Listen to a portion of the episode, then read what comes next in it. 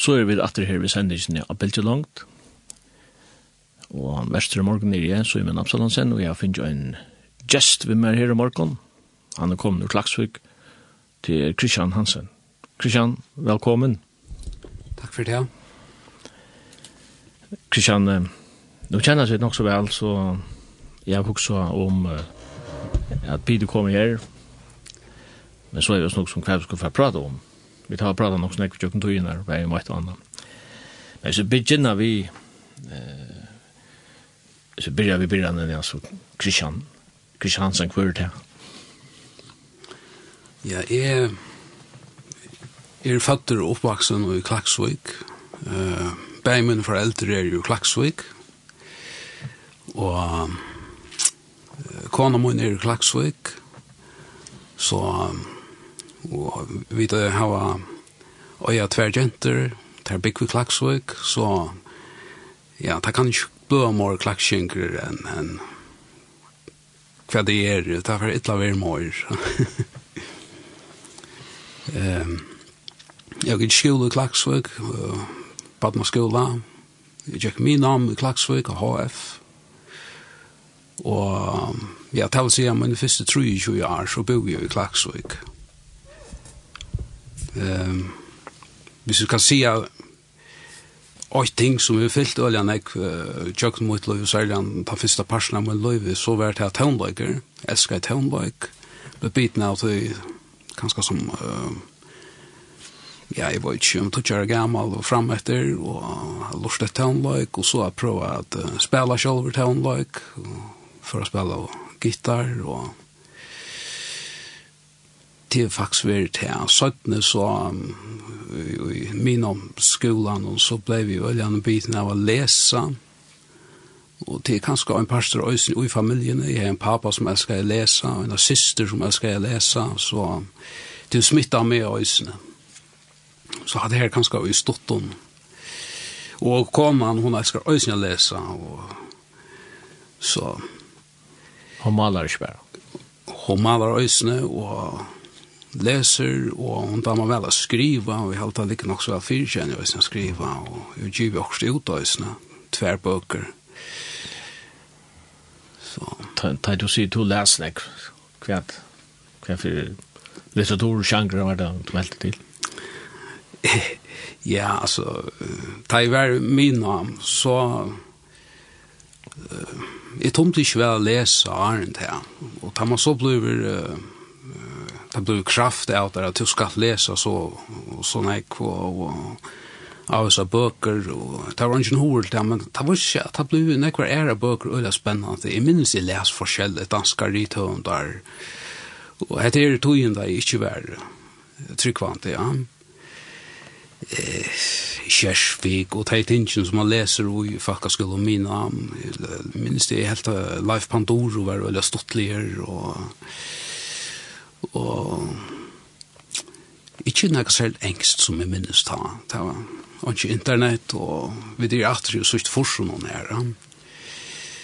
Men så minnes det at uh, da jeg var kom inn i HF, halvt det var i 17 år, vi fikk religion, så ble vi øljan hodtidgen av av bøypen, selv om jeg gikk ikke i sundagsskolen, mine badnar, men uh, tann tannaringa arn kom så uh, fort här efter uh, att vi born kan man säga ta sig mars ta stora och nu vaknar det här och jag började att uh, läsa bibeln och Jeg minnes det platt jeg fra oven bøkassene og finner meg til som var finne om kristendom her for å lese Blaise Pascal.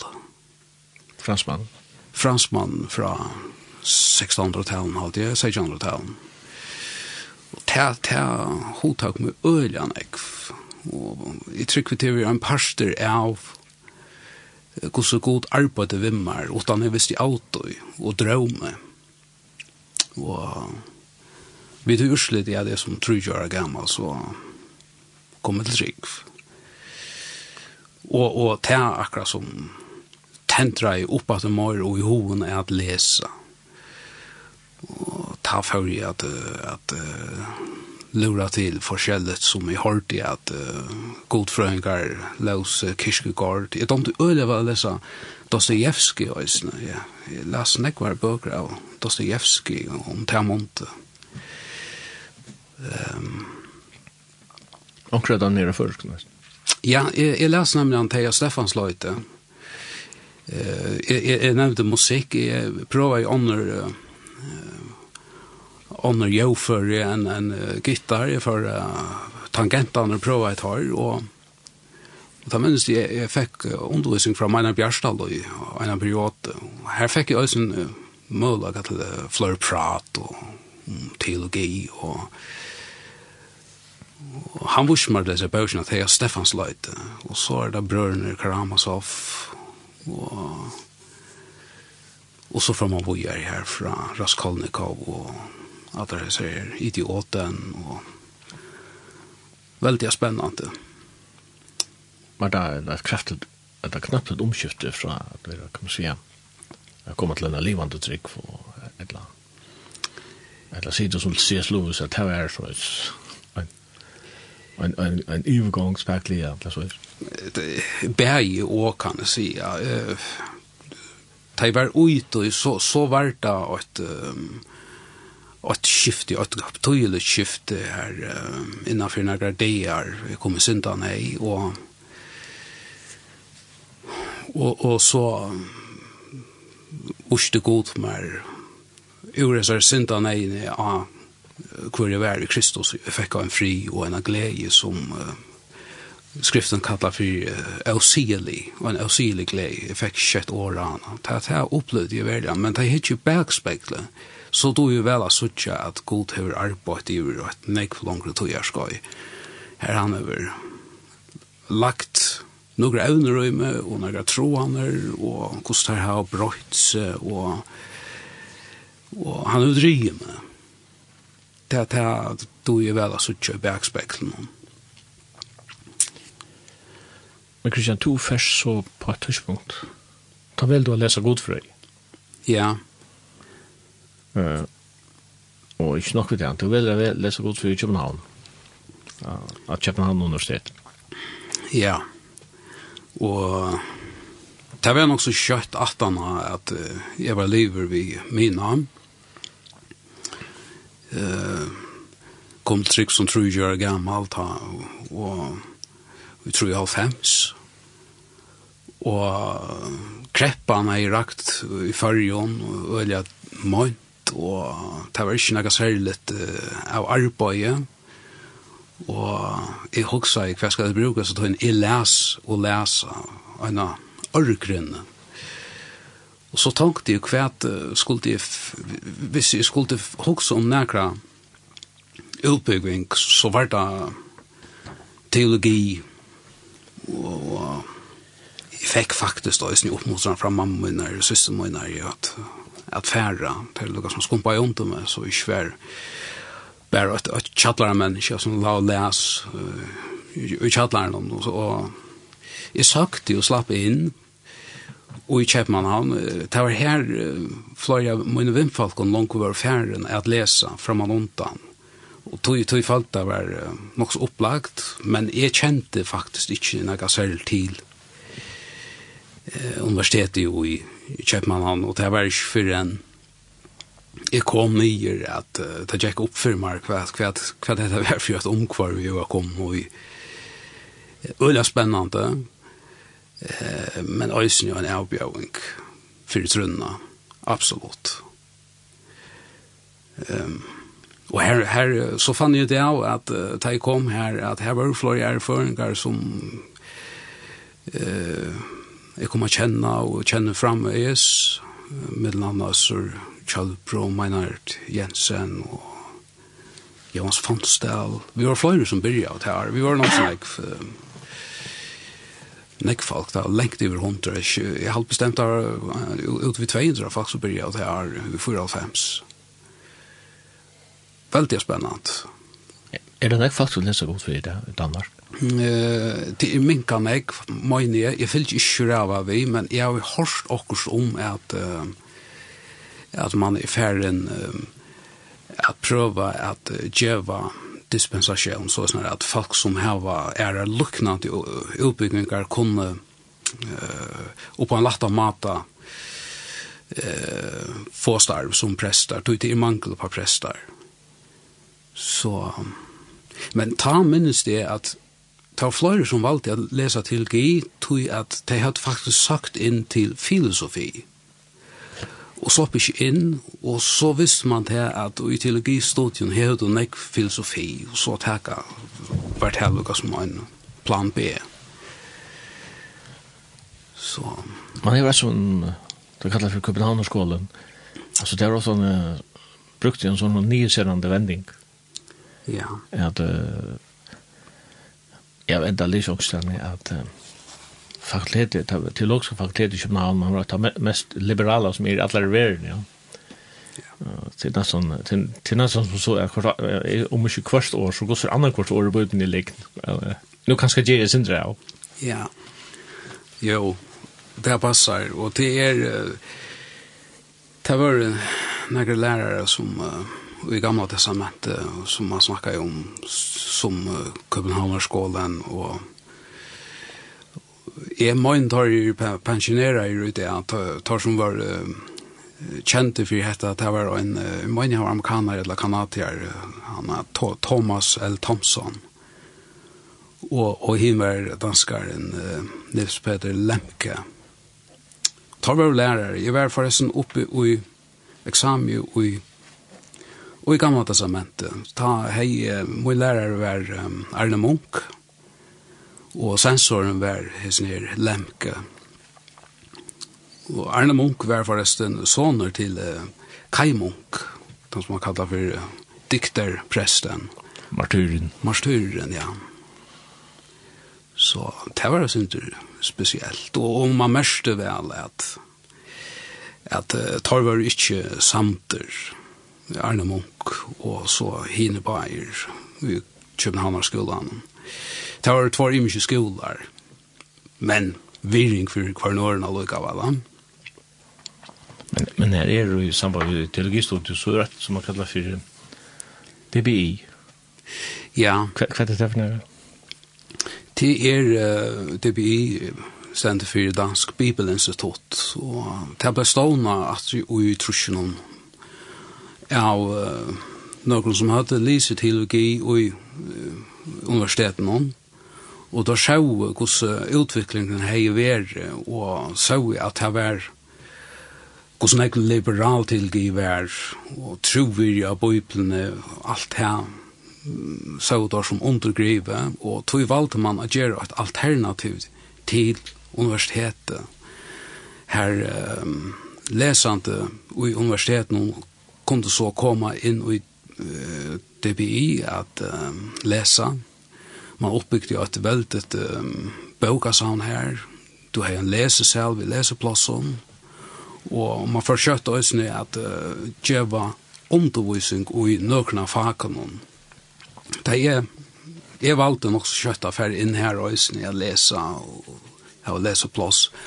Og ta kun tar bjøa undervisning i fløyre fakken som universitetet i Øysen bjøa i. Og i det er det oppe at man nå kun tar så Øysen bjøa uh,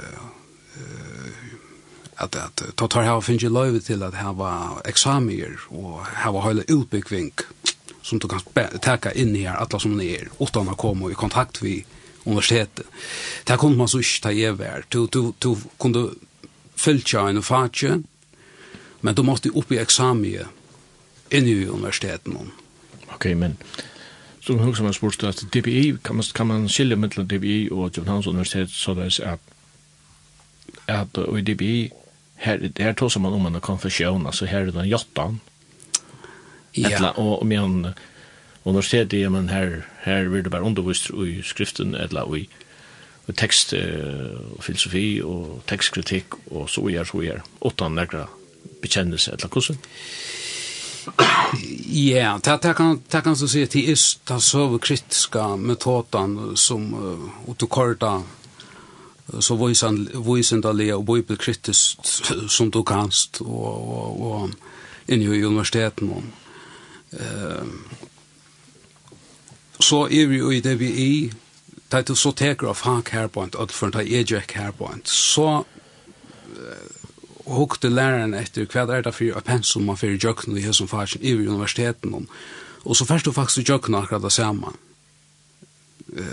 pensum og hadde tui tui til her han hamma lærer ma undervis og kun oi tui til her vi skulle opp i eksamen ja men ta han så hur undervis tog am så teker han ösne hin vinkelen som er um, tan tan um, vinkelen her tog trust verligen at bibeln er Guds år og, og kjemmer gjerne vi noen atesværene til de bøyene som, som bibelkritikkere kritisera tekstene for um, så undervisningen uh, på en måte er det den samme, men samstånd er nega træt som slett ikke løyges tog som er inne i universiteten. Og man kan nesten si at du først tar fått i undervisningen inne i DBI av tog som er inne i universiteten, pluss det som er uh, at man er trygg for å bo i øysen, ja.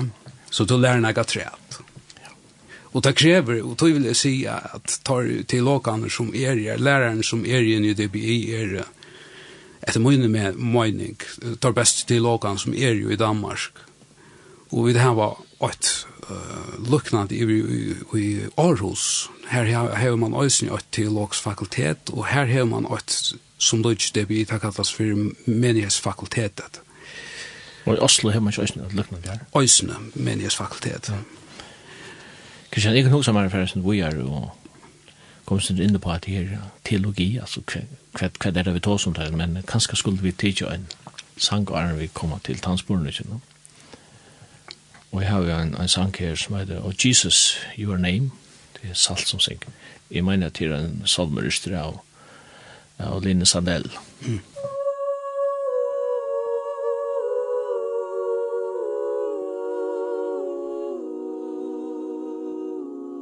O Jesus from danger your name will protect me.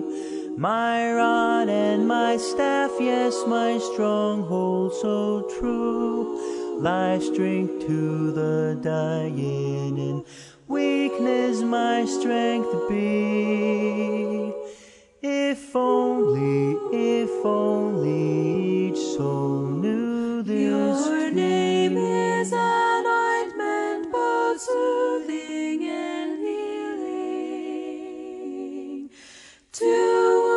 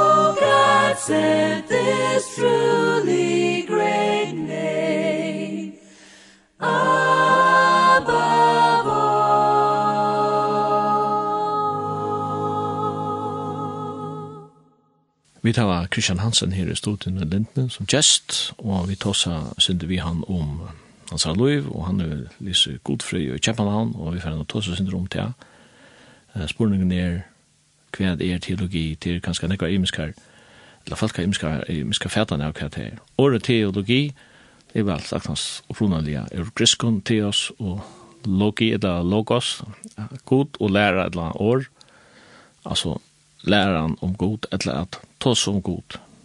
Er det også vi kunne skilje året teologi, Kristian? Jo, det er en, en, en rødt definisjon, kan man säga. Det er, er vanligt at, at kalla det så løs. At ta som god, eller lære han om god. Er, er, det, er det konsensus i hva teologi er, middelfalt kallt du? Må det alle ha som fædane og hva teologi merker? ta vi definierar det så så som vi där just akkurat nu så så vill jag se att det är sämre om det. Eh en outgoing nu vi där snacka om vi var inne i Eisner DPI och universitetet och det är egentligen två imiska univers. Eh Det ska göra dem också på till det att vi kan ska snacka och bruka det som i åren. Men eh hvis man fører sin til Gipri, så visste det seg at uh, uh, den djupare tøtningen er, er forskjellig, forskjellig ja? han er imesker. Og, og tog, uh, det er for Gipri en uge til, så ser man på en av veien at det er ikke semja, det er større hos semja. Og man kan grovt sagt døyla det ui uh, tvår parstar eh, till spårningen om, eh, om tilgångene til hur så kvar er briller sett opp her til du kommer til kristendomen? Ja, där man, där man ska granska nærke, så må man ha en, ha en klara fætende definition av vad er det, hva er det ska granska. Så en, en hjertfrøynger, han uh, granskar uh, flyenar og imisk sløa gråti og hva vi tås om. Altså, da man skal tås som teologi, så må så må det også være avhengig av hva er det for Guds begrep, eller Guds fætan jeg, sitter inne ved, ja. Og jeg leser om teologer som sier til at de er ateister. Altså, lærer om god, men lærer om noe som er non-existing. Det, er virker pura. Det er som en matematiker som, som, som, som ikke tror at høler til, altså, på et eller annet måte virker det pura meningsløst som minner vi er. Hva sier du til det her? Ja, og jeg er ofte spurt rundt da, til at uh, i miljøen som jeg var og så, så møtte jeg folk som, som uh, har brukt større parter som løy, og så hadde bønt bare frem at uh, det tror jeg ikke, og, og så Og, og da jeg fortalte folk som, så ville de ha vite hva det var i gjørte, og hvordan det var å lese, og da jeg hørte meg fortelle det, så forstod det det slett ikke, altså. Hvordan, hvordan kan man lese noe som man slett tror på? Og sværet til det er nok at uh, vi lever i Vesterheim og til kommer ikke sånn om til at kristendommen har sett sånne fingermerker så dittelig etter seg, og, og tog er det flere som i det sier at uh, det gjør ikke mening å si at vi er røyndirska en ateist. Du måst si at du erst en kristen ateister. Uh, du, du mentan er så tjøkken og surka av virum fra kristendomen. Og du gjør det mening for uh, folk som sier seg ikke er tryggvante, eller agnostikere, eller hva det kallar seg. At uh, det er en av for kristendomen og lukka vel. Eh, men men eh, tilgångten är helt, helt kvar Wow, wow. Og det, ja, det är det som vi kanskje har fått til å snakke om nå, at uh, hvordan er enda tilgångten ut Du nevner voisent, att uh, voisenten hever sina metoder arbetar vi. Og, og det er det viktig at da du kommer til til granskingar øke, at du hever metodene som huskar til til granskingar øke. Og, og, og, og her kan man snakka innenfor teologien at, at uh, er du bibeltrykver, så hever du en tilgang til uh, bøyplene som er granskingar og tja uh, til åkon Men, men, uh, er du bibelkritisk, ja, men så har du holdt helt tilgang og er en metode at arbeider vi. Vi ikke skal bruke en døme. Det er noe med dere når en føring bestemmer seg for at granska uh, liksom sier, føres kulturfolk. Det er for jeg, for jeg tar døme. Så spør dere grunn, hva er det han skal granska? Skal han, ta, skal han granska de kulturfolk som, som verlig har eksisteret og, og, og, og ganske eksisterer enn? etla skal han avmarska seg til de holdefalsen som er uppstegen og i menneskjans fantasi. Det vil være fullkomlig tver halt emiskar tilgang til det. Hvis Jesus sier, ja, men holdt for trygg vi slett på han, så gjør tannvinkel onka møyning i brøver Men hinner vi inn, er fer inn i inn i, i ta føreske mentanene og søvene og granska og finne det, ok, ja, og og i som steinen og hæsen hetjen og her, her bo og så, så snakk holdfall. Så gjør ta her mening, du ta granska du nekka som eksisterer i menneskens fantasi, ja. Og, men, men ta i spørsmål, er du ikke mer kommet inn i antropologien og et eller folkalusfrøyene her, enn alltså själv hålltofalsne som som objektet kunde inte granska så det existerar inte. Alltså syns det är en parallell till till det.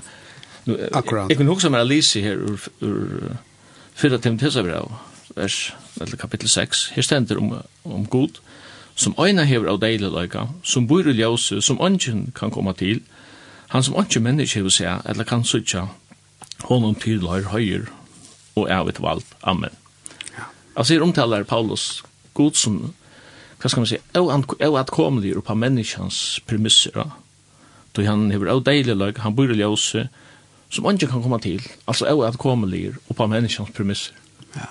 Hvordan kan du takke henda personen og underlegge han en akademisk metod? Ja.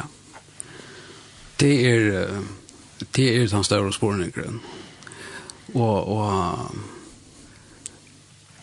eh Og tog er det, altså, du setter hand av spårningen, du, du, du setter hand av spårningen er du, egentlig er du først til arbeids.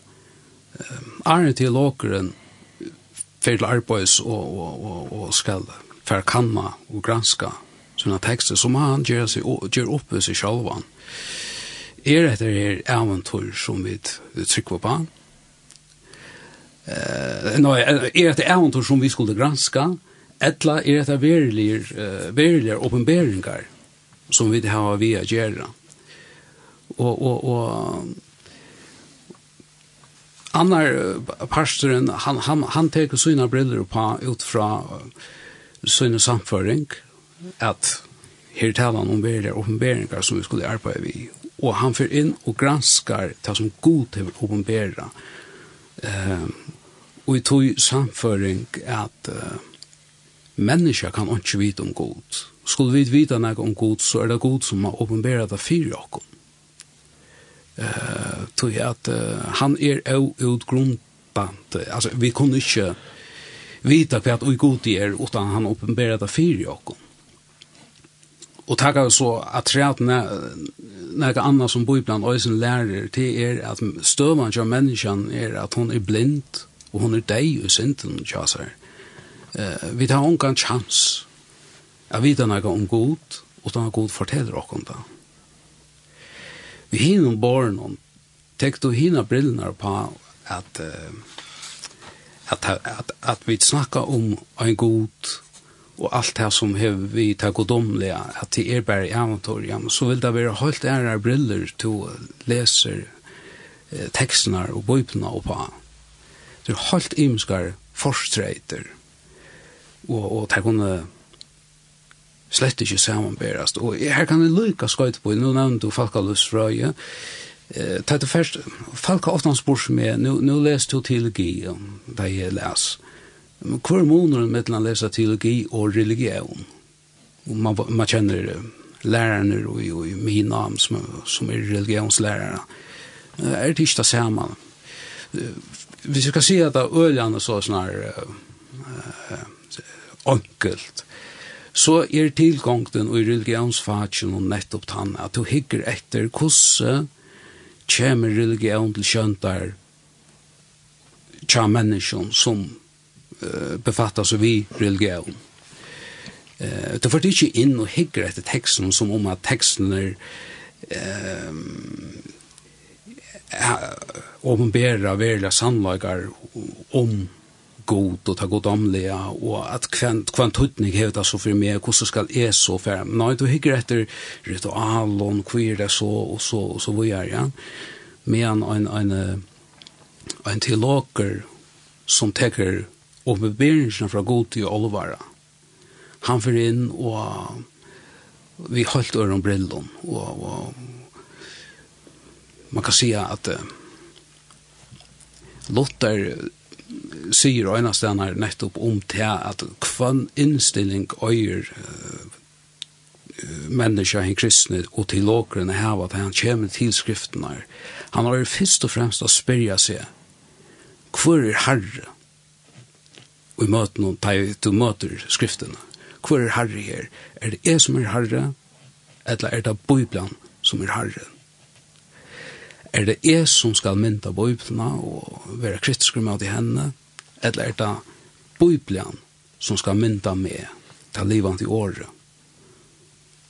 Og hun dømer med og som var små tog jeg ikke regissør og forteller meg røysene om frelsen av Kristus. Mm.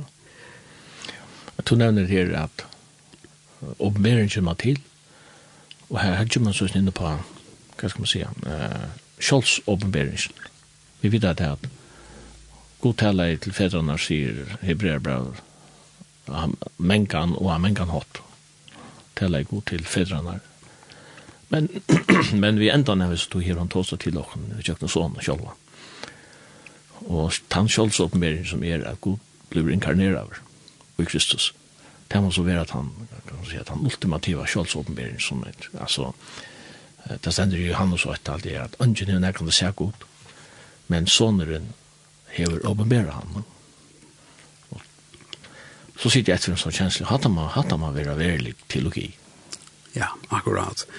Og, og, og ta ultimativa åpenbæringen, hattarpunktet av åpenbæringen. Uh, uh, Hebrea bra sier etter at god forum, menkan og menkan hatt, hevur tala og, og ta sypar høyndren til profetene og gammelt, som er så god tala i jøkken profetar, han tala i jøkken Moses, han tala i jøkken um, uh, tempelskipan, og han tala i jøkken undrene som han gjør det, i jøkken alt gammelt testamentet.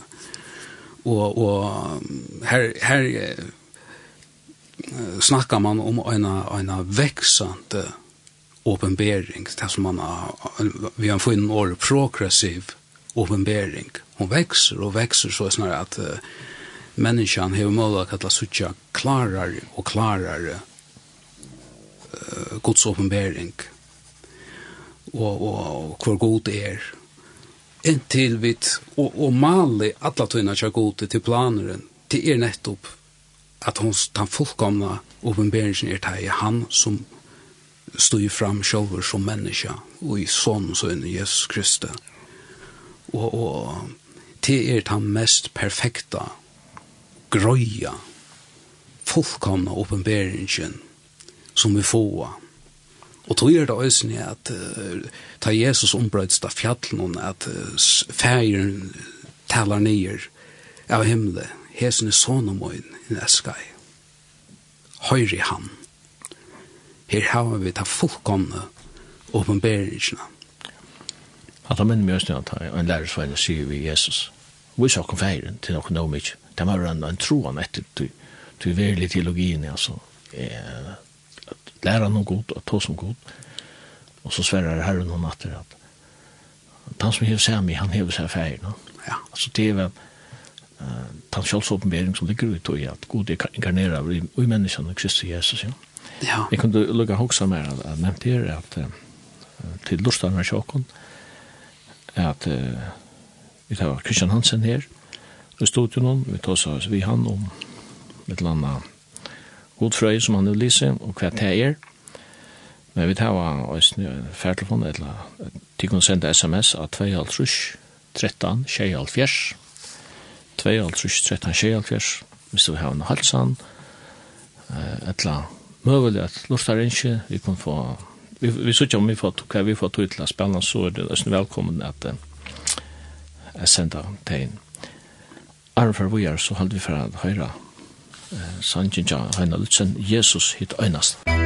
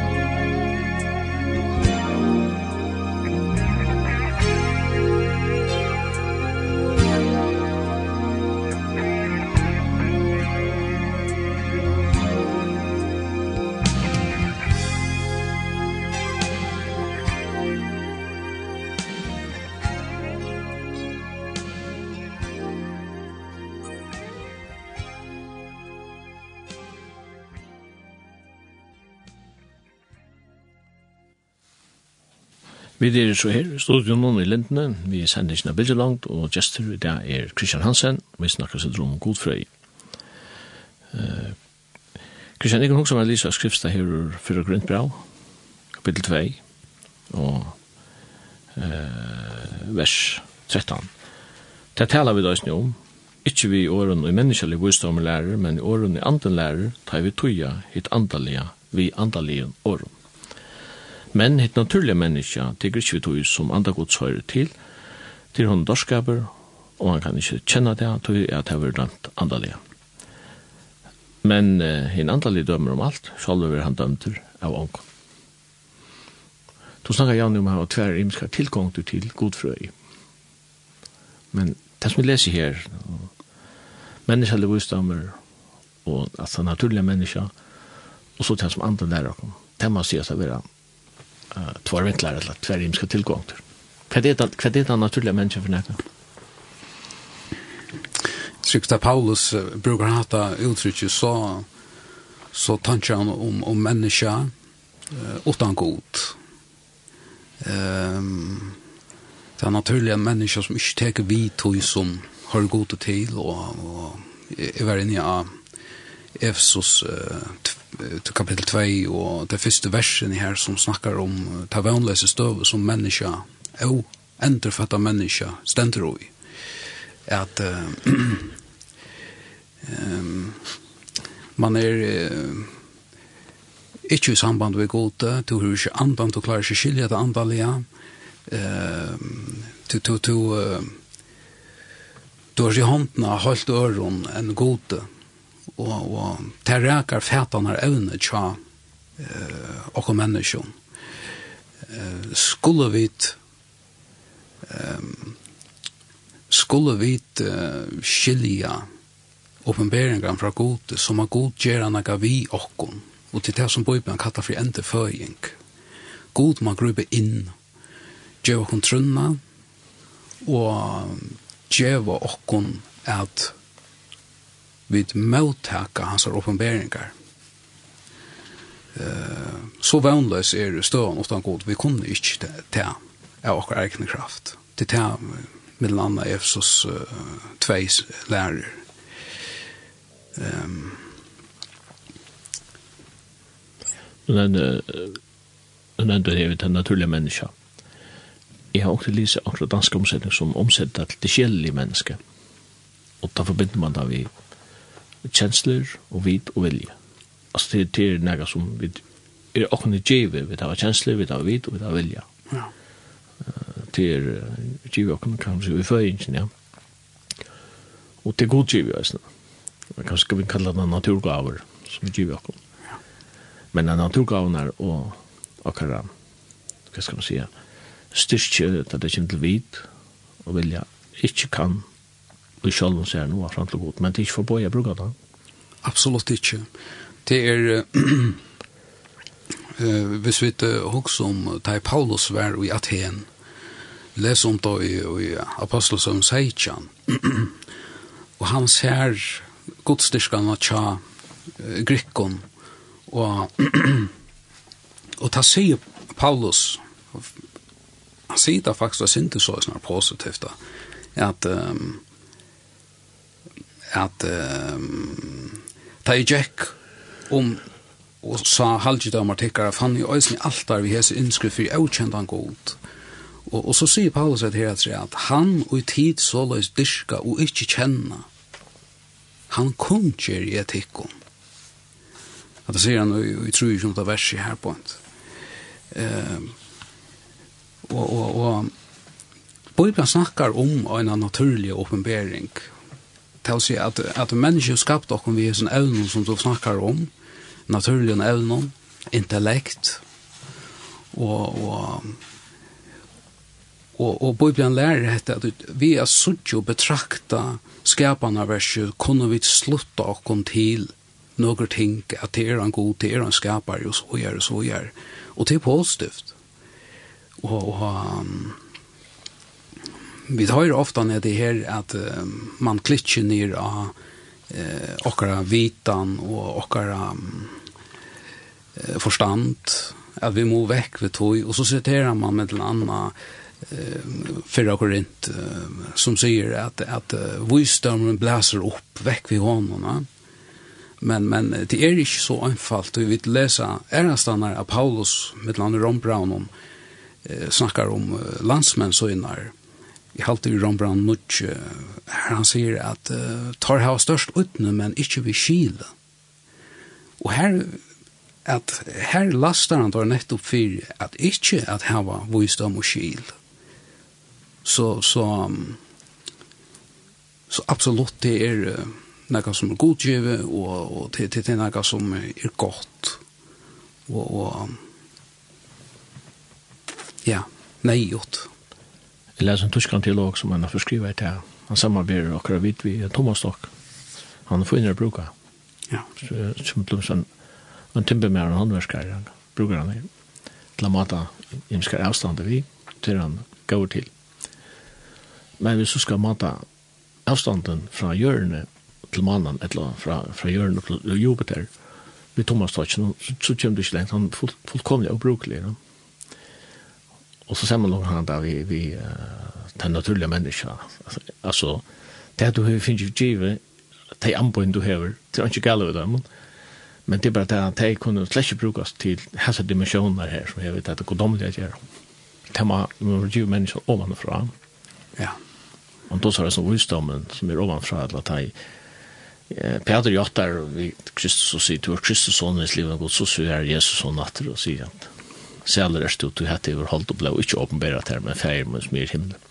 Det er han jo tilegna seg, hva skal man si, verilig, verilig god frøy. Men jeg har, Kristian, jeg kan huske meg da vi nå, då som er her, at Kristus er åpenbæret, han mynden av god, og er åpenbæret av god. Så har vi hva å spyrja. Hvor tog som han nok til om? om en hin søvelig Jesus og hin teologiska Jesus, som om att tala han kunde være om fullkomliga kvar imiska personer som, som sitter, som man sier, tar det slett ikke som planet. Hvem kommer det herfra? Ja. Og, og, og, og lykka er, er svært her, så uh, det er att her, at han er skjønn, uh, at, at Jesus er åpenberingen av affæren, og, og, og, börja og, og, og, vi og, og, og, um, Timotheus, at god er av skjønnelig, og skal ta så bra til. Og onkel brukte disse myndene her, hvis du fyrstiller av Jesus åpenbærer fægeren, at hvis du fyrstiller at det heter innsikle, at Jesus er etter innsikle. Og, og etla, etla, du, du hører henne her rintjen, og, og vi har noen innsikle, og, og to trusjer og i voks, og så fortsatt avtrykk av, og i voksen av, i sånn rintjen henne, stempelen hon. Og det er egentlig det som henter, det er god blir menneska, at du først har et avtrykk, og et menneska, menneskas litt avtrykk og oppenbering av det avkjønnelige gode, og i Kristus, til det som Kristus med landet gjør, og i srokken eh, feiren. Til spørningen hvor man setter, uh, man kan si at man, hvor man setter skott i middelen av søvlige Jesus, og så det som bøypnar Jesus. Og man ser det lukka som har skott i middelen søve og teologi, som man ofta sier, kallar det. Og, og grunden til det er at uh, ta i moderna uh, tilåkar, hvis vi kan kalla det så, snar, altså tilåkar som ut fra moderna er vysen for å granska evangelierna så kunne tar ikke roma an Jesus som er avgjør. Ta kunne ikke roma inkarnasjonene, det er ondre som henter at god blir menneske i Bethlehem. Tog at det er en hending som er åttan fordømme, og til omgang det er hent søgjane. Og på samme måte, moderne vysen kan heller ikke roma opprøsjonene som ångkant er hent æren og ångkant er hent at han har Jesu opprøsjon.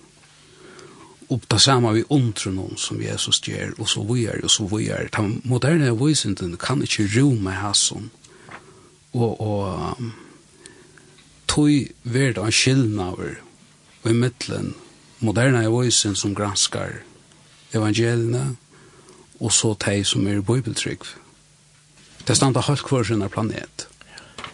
Jeg har et sitat her i en bok som jeg skriver av eller annet grøn av Nils Ove Vigilius, danskar. Kjente, kjente han? Ja, han var lærer, som er. Av DBI? Ja, han okay. var rektar her på en tog. Der vi til stående av DBI. Han sier så det sier. Man har således ut fra moderne historie og virkelighets oppfattelse oppstillet følgende tre kriterier – som alle må være oppfyllt for at noe kan anerkjennes som historisk. Ja. Det må så snu at han søver Jesus. Altså, det kriteriene han kallar rett. Det første er kausalitetsprinsippet. For at noe kan anerkjennes som historisk, må det være skett innenfor årsakslovens rammer. Det må derfor altså foreligge en påviselig årsak til den pågjeldende henning. Nummer 2, analogiprinsippet For noe kan anerkennes som historisk, måtte foreligge eller være mulig for at noen tilsvarende fenomener eller begivenheter som den kan sammenlignes med. En ting må altså være skjedd før eller kunne skje igjen på samme vis eller lignende vis for å kunne anerkjennes som historisk. Og så nummer 3, immanensprinsippet. For noe kan anerkennes som historisk måtte være skjedd i denne verden, altså i immanensen, og og kunne forklares utelukkende herfra. Uten henvisning til noen overnaturlig og goddommelig inngripen utefra. Så her tredje setter jeg nok så kvast opp. Ja. og, og hvis du husker om, om hese her, du setter ætlån uh, bibelteksten hese treitnar, at skulle vi gautakka der som verilige søvlige hentingar som vi farnar fram, i søvnene. Som da luka hessa, hessa, tru, hessa trutja treitnar. Og, og, og, og det er øyne hvor jeg sutja at um, her har du simpelthen utlokka öll even naturlige ting til at uh, du har ikke noen naturlig årsøk til at uh, mitt i tjada blir at uh, baden født og det viser jeg å være menneske og god til seg henne Hvis, hvis vi prøver å tenke til apostolske troer ja. og anvende det på kritikk kausalitetsprinsipp, analogi og eminensprinsipp. Ja. Vi trykker god ferien allvalda skaper himmels og gjerrar. Det ser ikke ut som en, at, at hese setningen oppfyller nek av sin simen krøven. Uh, og Jesus Kristus anbarn og sånne var en herre, som er giden heiland anda og born i heim er Marie Moi. Alltså fötter av en match, så vet. Det går helt rätt, ja. Vi syns så färdigt om alla tror var ordna, alltså. Punslav runt och Pontius Pilatus. Det går. Det går. Och krossfäster dig och gärna Det var en ekv. Det går Ja. Och på stegen. så är det gal. Mm. Så här tror jag var ordna. Så det två så av alla som gröna på en 11, 12, 13 grönar här. Mm så det er tvær som oppfyller hese, hese tredjene for å være søvelig korrekt. Punslaver og Pontius Pilatus, krossfest, reier og gjerne. Titt Titta at du sitter rett vi. Ja. Her er ikke noe vel, hvis det bare har vært hatt da. Ja. Og hatt er det som tatt og løyter vi moderne er visen etter søvelig Jesus. Det er bare han Jesus du finner. Alt, alt hit vi kallar for myta. Sakner. Men hvis vi nå sier det, vi trykker av en Jesus som gjør det vattnet til vin, og som tjekka vattnet. Så kunne vi være samt vidt det, vi, vi, vi alle mennesker, at hatt ledes ikke gjøre utan at naturlovene vil suspendere eller sette ut av kraft. Ja. Til døgn jo. Ja. Og så spør jeg om hver, hver han kommer naturlovene fra, og hver, og hver er herre i dem, ja. om jeg er herre i dem. Ja. Og man kan også vente av spørsmål, ikke noen, uh, til at uh, ta i du veler at du var vysent og det var ofta sett fram så sån her at uh, tan bibli tryck för tillgångten och så tan moderna vysent allia tillgångten att andra är en naiv tryck, badnatryck og hitt er verlig vysent men uh, ta i just has a valgen her på at uh, är välje bæra a gautaka til tingen som kunne viast, matast, luktast og smakkast. Alt hit som utanfyrir, eh, ta gautaka ikkje. Men hei du et prekk fyrir tog. Kan så prekva det, hvor vel du det? Og, og her må man sija at det er òsne en troar sjak at du sier, jeg velje at sutja borste fra ödlån, i naturlig. Du er ikke prekk fyrir tog at at jeg jo naturlig ikke kan være til. Men jeg velger ut i sånn. Arne kom til teksten her, og jeg kallte det fire møter, sakner og så videre. Man tror jo sånn at uh, rasjonalismen, oppløsningartøyen og alt det der, uh, vi tog inn i skolefæret at, at uh, fortrønge alt det her som hei, hva skal man si, tryggven på her, at det finnes en andre leverer, det er som ligger utenfor det her som vi kan mata og gjøre. Men det som man kan si at det hever ikke, det er ikke hent og at selv og i togene vi lever det, så viser det som at, at heimen begynner, han bare mer og mer, han blir mer og mer, jeg skal ikke, han blir mer andelig, eller kristelige, men han, det viser som at det er egentlig tro på det, at, at, at utrota den spirituella, Men helt ikke at det henger sammen vi at menneskene er mer enn, hva skal man si, en bare en kemisk maskin.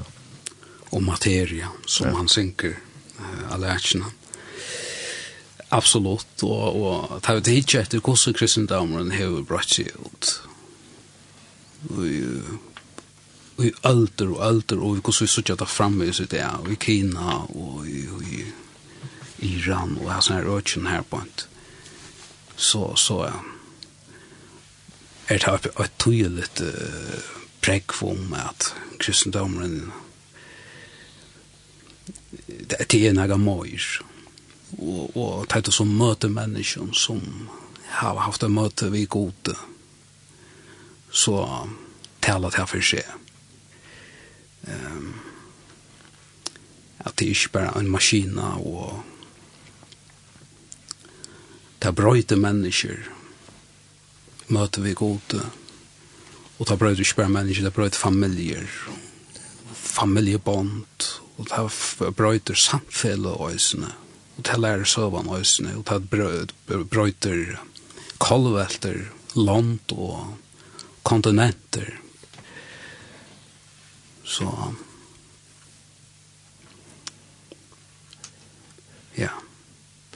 hvis vi færre i jura i det som er hva skal man si, tjattnen og i det kristne trønne altså selv satt her deg i Jesus her. Fyrir menneskens synder og han røys opphatt for dem deg fyrir til menneskens rattvise. Så hos jeg om jeg men altså hette, hette må være det allar, allar, allar viktig hette selv tjattnen hette selv grundaleie jeg tar ikke på åren til apostelen til han sier vi i Korintsamkunna til jeg lærte ting som mitt fyrsta at Kristus døg for synder okkar, etter skriften hon, og at han var gallak, og at han røys opp at, og at han gjør det etter skriften. Altså han sier, hette det første, hette det viktigaste, jeg halte i 4 Korint, uh, 15. kapittel. Det fyrir ikke mer, at det er min samføring, at han egentlig presenterer en, en prioritering her, altså.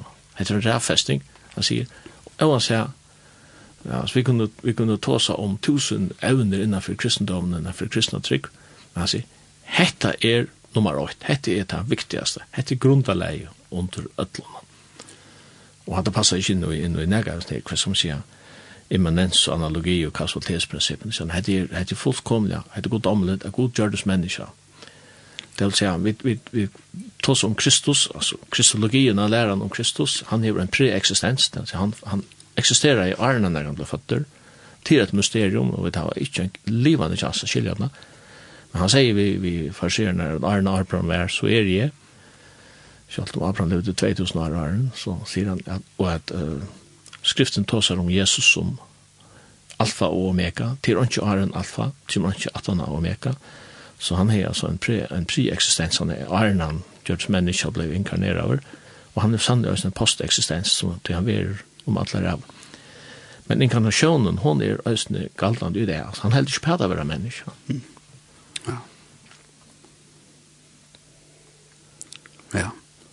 og og og hadde år här på en larta som ta fista som het fista eller eller ta kan også se som av största tydning hadde år här på ja. Og det alt ta som sprunche rammarna för ta som ta naturliga eh fäderna under tja människan kan roma och det var det ju i, i, i ta ta het her byrja i mamma säger at at het er rach at vi vi voisent som som börjar sprunge så tension här på så finna ut att du säger andra tal at att to to to man kallar det för positivism man att to to vill bara gå tacka tension som vi kunde uppfatta jag några sanser mata og, og via og så videre. Alt anna fettler utenfor verleikene. Og til å si at uh, her, vi har tver fullkomne imenskar verleika oppfattaner. Og, og her tar du snakkar om tjattnen og i kristendomen som er opprasjonen fra den deg Jesus ryser opp og lever i at det er som menneske. Og han er fromgrøren av henne først. Altså, det vil si at han er prototypen av ødlån, og en dag skulle ødl få et likam, lykka som han hever et likam, og rysa opp. Og gjennom lykna likan som han hever i det. Han er fullkomlig sentrum, og, og tog er eh tar tar du nevner han Nils Ove Gilus. Jeg mener han sier det ene stedet at sånn teologi er kristologi. Ja, det gjør han nemlig. Ja. og, og Kristus er som vi var inne i han han er hattar punkt i uppenbarelsen han er i sentrum. Ja. Men det er vi nog som oppreisende som som chatten sier at, at, at hvis Kristus er ikke risen opp, sier apostelen, så er prædik akkurat til om, så tryggven til om, så er, altså, så er, så, så fetter alt til det var ikke nærmere verst Ja. Alt annet er også tydning, som man sier. Ja. Det skramlar alt sammen. Ja. Så sier men nu er Kristus risen opp fra en dag. Men jeg har ikke hørt liberala dialoger sagt, jeg mener at her vi oppreisende, for uh, om han reiser opp eller ikke fysisk, til er, men det viktigaste er at vi, vi lærer å skilje oppreisende som til at han, at han tankene ikke har noe liv i det, og, og det som Jesus lærte oss om himmelsk samme samverden, og, og da, så da må de faktisk løgne og sånn, og den, den humane parten, det er det viktige at det er, og, og at, at og på tammat man skulle læra skilje opprøsninger, at han lever i det og i akkurat tanken. Og på den måten kan man si, så, så lever alt menneske, selv det er det, ja. Ja, akkurat. Og og det er sikkert øljene, det kan blåa sunt sentimentalt, man sier, ja, han lever i mine hjärsta, han ryser opp i mine hjärsta. Selv med sikkert at han omganger røyser opp i dag. Ja, akkurat. Ja. Og, pa og Paulus sier at, ja, men så er uh, alla grunn til at jeg har synd i åkken, så er vi i åkker syndene enda, og så er han ikke vei om. Men hans tankene om en andalig oppreisning, altså, eksisterer han ikke langt i fromkirken, altså? Det gjør det nok, og, og jeg, jeg trygg for at uh, nærkere av sånne tankene komme fra griskere filosofi, her man snakker om at uh, salen, hun skal ure sånn fangselen som er lika med tjakon, og jeg sa hun uh, griskers tankar som blandas seg på i kristendommen, Men og og til absolutt så var her og en av jottan og det trykker på opprest likam sånn. Akkurat. Og det kommer ikke nær av angående. Nei, og, og vi kunne spåra det første fyrste tingen jo, jo, jo, altså, vi kan spåra tror jo at han har holdt atter til um, R100 trusjmanje. Så hette er, hette er from kyrkja vi snakker om.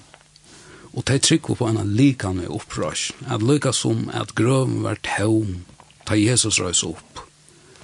Så det skal være i øtlom grøvum, og en dag, i øtlom her uh, hans arbeid, det som er endefatt, skulle få en opprøsning vi en nudjon likam, lukka som hans arbeid, som er materiellt, fysiskt, og, og hatt i vevnen, hatt i kristna vevnen. Han lukkar vel er Jesu likam, til å så på at ørvisen til likam som vi tar vi det. Ja, til okkara for gonger. Og han sier Arn, Arn opprøsjene, så hei han et likan som var lukka som okkara. Men her fyrir han forvandling fram. Ta han ryser opp etter over deir og, og det er. Og, og Men, men hatt er, man må si, er mysterium. Hatt, ja, ja, absolutt. Og hatt må vi få åpenbæra, og to, to, skriften forteller okken hatt der. Jeg kom tankar om et vers som vi ofte uh, citera at öll hava synd og tøym fatta stort gods. Og jeg ofta spekulerer kan mena til at vi dårlig gods, altså vi manglar dårlig gods. Men egentlig er det det som hender da Jesus ryser opp. Han ryser opp vid dårlig. Um, menneskjan hei oppronali enn at dårlig. Um, Adam og Eva var saman vi god og kunne være saman vi honom. uh, utan några problem och hade ett samfälle som var innerligt och stasinde gömmer in gem skillnader in och att han att så misser människan hesa dulterna som det hej aren och kunde ikke være sammen vi god, hesa skyldnaren er, er stadigvæk. Men ta i vid ein dag blei uiklatt hentan av deilig løygan og uiklatt hetta likam som Jesus øysen hever i dag ta har vi finnst jo dårdene atter. Og ikkje bare ta dårdene som Adam og Eva hadde, men vi kommer ha det som dårdene som Kristus hever. Han har større dård. Og ta kunne vi atter vera og gjøre noen uh, avtalt uh, samfella vi, vi uh, god. Uh, og at komlig høyten vi god, hun er vekk. Mm. Og det er det som er så fantastisk. Det er hatt utan kristna vevnen. Men hadde han kommet noe til det som apostelen sier om at men nå er vi bare noe til er ikke oppmer enn hva vi skulle være. Akkurat. Men da han oppmer skulle vi gjøre göra honom upp till som man er. Ja. Altså enn her, enn, enn, vidar vet inte han.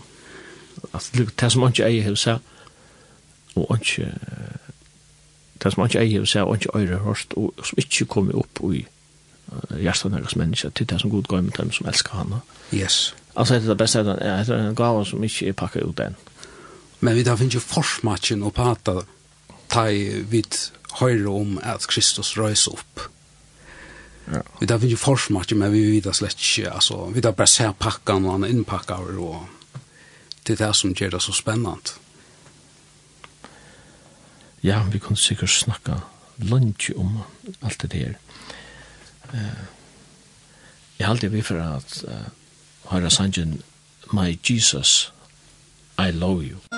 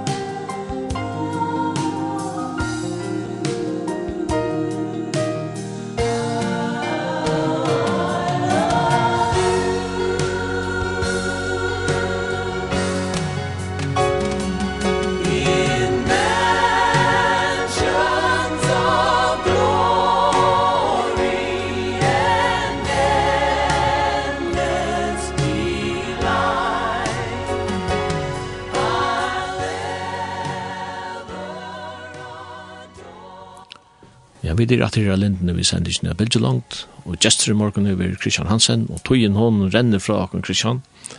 Så jeg kunne huske meg og bare spørste om du hever et, om du hever et, et så står det akkurat her i morgen. Ja, det kunne være sånn ek, men for jeg tenker, tenker det til det personlige, så, så må jeg bare si for meg selv at, at, at alltså man växer och och ältest och så är det fantastiskt så att vara och Guds barn och och sucha och få nej till sucha bättre och bättre kvärt eh man är pastor av man är en pastor av frälse att han Guds så hur så väldigt stor och omfattande den frässan är och hur så björst framtiden är Og Og tror det ikke at, at øyne kvar skal få parste av oss nere og kunne kan oppleve et av det samme. Så det vil bare enda ut av åren og takka for at du kunne være her i morgen. Du skal ha større takk for at du ville komme. Vi kunne færre ekkert jeg var gjøres ned, men jeg halte at vi har haft et et avhåversprat om hva god fri er for nærke og det var kanskje hovedet langt, det er det bjør der atre lindan, så skulle det være. Jeg kunne også mer byen og stått av bøn her til sørst. Feir vi ventet til tøyen. Takk for at du gav oss sonen Jesus Kristus, og at han vet han, den sanne åpenberingen av til en åpenbering som giver oss om han fra hvor hver god er. Takk for at du kom inn akkurat liv, til livgjøvende evangelien om Jesus Kristus er deg for synder okker og røster opp til okker rett og kjering og at han hever alt valgt og i og gjør. Signa er gest som vi er i vidtjokken, og signe land okkara og folk okkara, og i Jesu navn. Amen.